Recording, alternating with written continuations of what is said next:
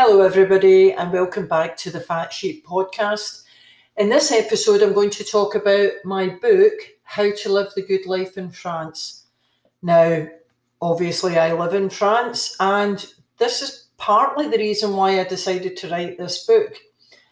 Moving from the UK to France is an interesting experience. Um, you're moving to a country that speaks a different language they have different rules and regulations. Buying a house is difficult. Uh, getting your head around the tax system is difficult. And frankly, we had to learn as we moved along, and it took months. But I made all the notes and uh, kept a note of everything that I did. And that was the inspiration to write this book. Now, since the 1990s, there have been hundreds of thousands of people who have left it all behind in the UK and other countries and moved to France. So, if you're thinking about moving to France to live a simpler rural life, or perhaps to buy a small holding, or just to live in the countryside, then this is the book for you. It's up to date, it's Brexit friendly, it will explain how to find a property, how to start a rural business, rules and regulations, a little bit about tax. So today I decided to read part of chapter one of How to Live the Good Life in France. I do hope you enjoy it. Chapter one Your French Rural Dream. So you're thinking of moving to France and living the good life.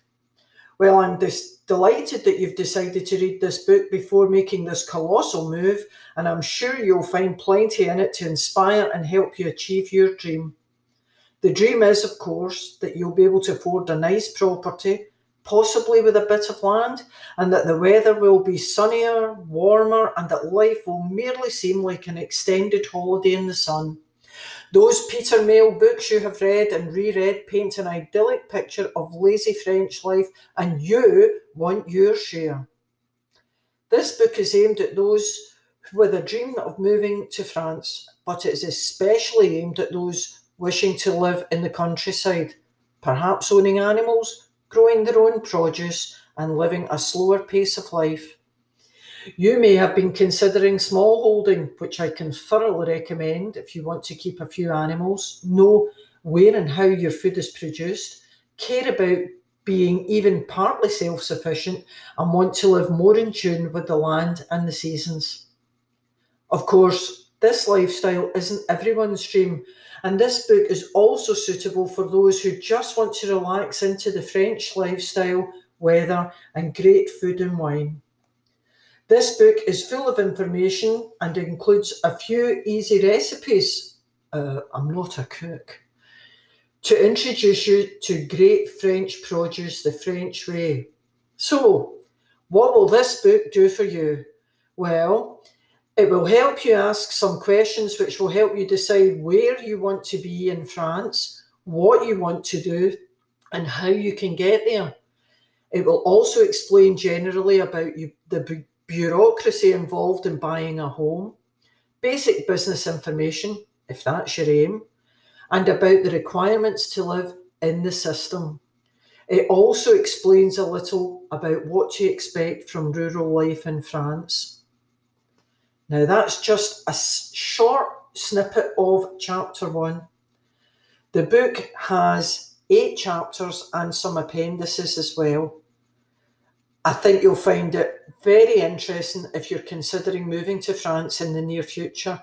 Of course, the laws change, rules change. Brexit has been an incredible experience for everybody on both sides of the channels channel. But what would I say? If it's your secret dream to move to France, then really research it. And if you still feel it's what you want to do, then go for it. We moved here nearly four years ago.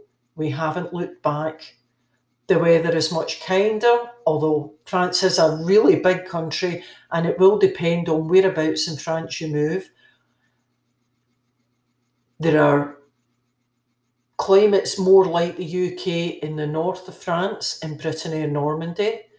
The south of France is positively Mediterranean but can get cold winters. Near the Alps and the Pyrenees, obviously, you'll have uh, snow, ice, and um, really wintry weather in the winter, but you also get lovely summers. We're located in the Dordogne, which is almost like England used to be 50, 60 years ago, so I've been told. It's green, there are lots of rivers, uh, it's not overly populated, and the people are friendly. Now, you've got to make the effort to fit in just as much as anyone moving to, to a new country, but I can thoroughly recommend it. If you're still not sure, buy the book, have a read. It's available as an ebook and as a paperback, and I'm sure you'll enjoy it. Thanks for listening.